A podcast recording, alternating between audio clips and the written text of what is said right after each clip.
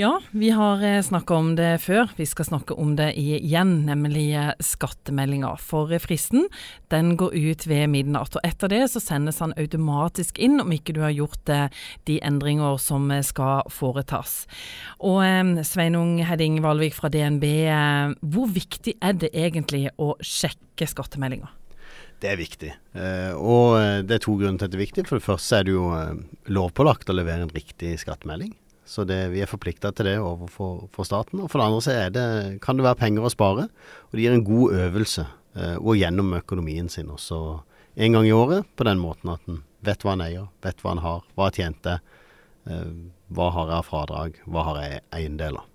For Én ting er at du kan gå glipp av penger ved å ikke levere den inn, men det kan jo også gå motsatt, at du kan få straffeskatt.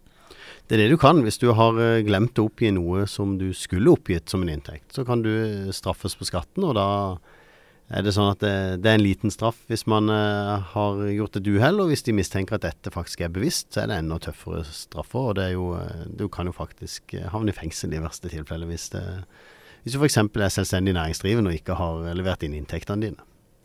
Men hvorfor er det sånn, tror du? For undersøkelser viser jo at eh, vi er veldig flinke til å gå inn, eh, sjekke skattemeldinger. Dvs. Si vi åpner den, og så scroller vi ned for å se om det er pluss eller minus.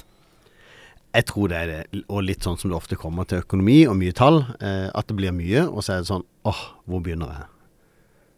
Det tror jeg kanskje er grunnen til at Og så er vi mer nysgjerrig. Fikk jeg igjen? Åssen gikk det? Og for veldig mange av oss er det ikke så store fradrag, men det kan være veldig mange tusenlapper å spare. Hva er viktig å sjekke på skattemeldinga? Ja, Det første du må gjøre, det er egentlig å finne fram alt du har fått nå de siste månedene fra arbeidsgiver, banker, SFO, barnehage. Ops, det er viktig, mange glemmer det. Um, at du har det på plass. Og så må du gå gjennom da, sjekke at det som er opplyst på uh, selvangivelsen, eller skattemeldinga, gammelt ord igjen, det, det, er korrekt. Uh, og sjekke da at du har fått de fradragene du skal.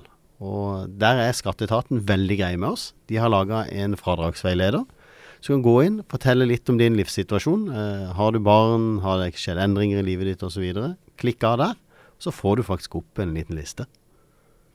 For det er jo faktisk sånn at eh, skatten den kan endre seg fra år til år. Og det har kanskje litt med å si at, uh, at ting kan endre seg i livene våre. Ja, det kan både endre seg i uh, vår samlivssituasjon.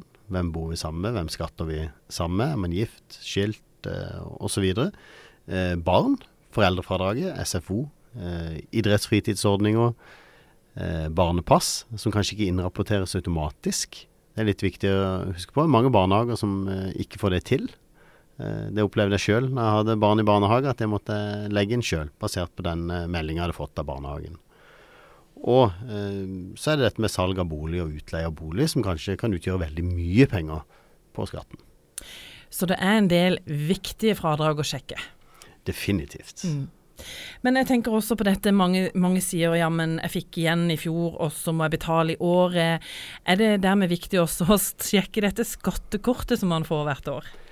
Ja, definitivt. Det, det er altså, det fungerer veldig godt hvis du har gitt riktige opplysninger til skatteetaten på hva du kommer til å tjene i år, eh, og du ligger an til å tjene det du trodde.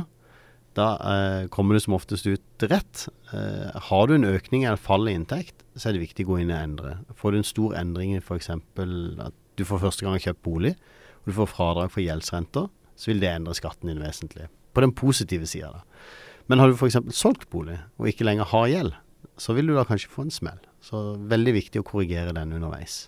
Har du refinansiert lånet, fått en takst fra siden du meldte Alex på eiendomsmegling, har du fått en takst fra en eiendomsmegler, betalt gebyren for å refinansiere for lavere rente, det er et fradrag du kan trekke av.